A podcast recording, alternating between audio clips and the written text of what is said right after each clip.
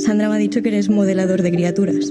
Sí, modelo criaturas eh, con el ordenador. Mantícora té tot el que li falta a Esparta, d'Ulrich Seidel, la polèmica cinta estrenada a Sant Sebastià que va rebre una llau de crítiques que va comportar que el seu director no anés finalment al festival.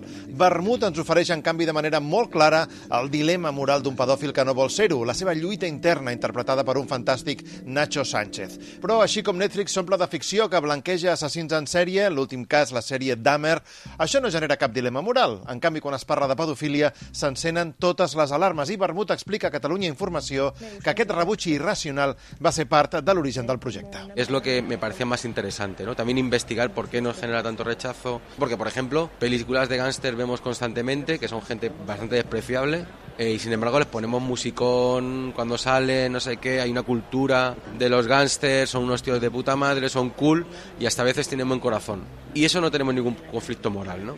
Pero de repente este tío que no ha hecho absolutamente nada, que lo único que hace es simplemente fantasear, no generar tal. Entonces, cuando hay un conflicto que surge en mí, me apetece quedarme aquí, pararme a ver qué pasa. Precisament per això, Vermut no té cap problema a admetre que es pot humanitzar un pedòfil amb l'objectiu de mostrar que són com nosaltres, gent amb un problema a qui cal entendre per curar o tractar.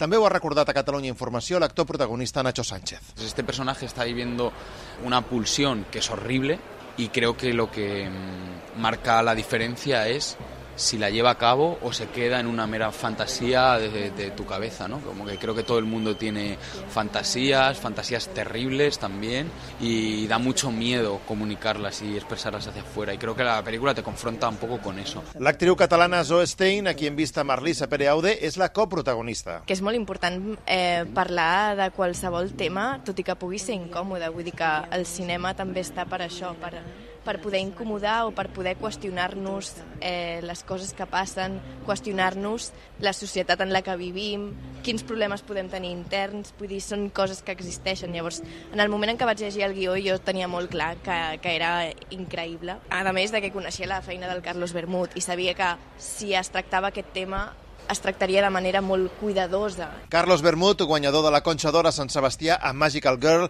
és també el director de Quien te cantarà o el guionista de La abuela, de Paco Plaza. Mantícora, que es presenta fora de competició aquí a Sitges, s'estrenarà el 9 de desembre. Me gustan tus monstruos.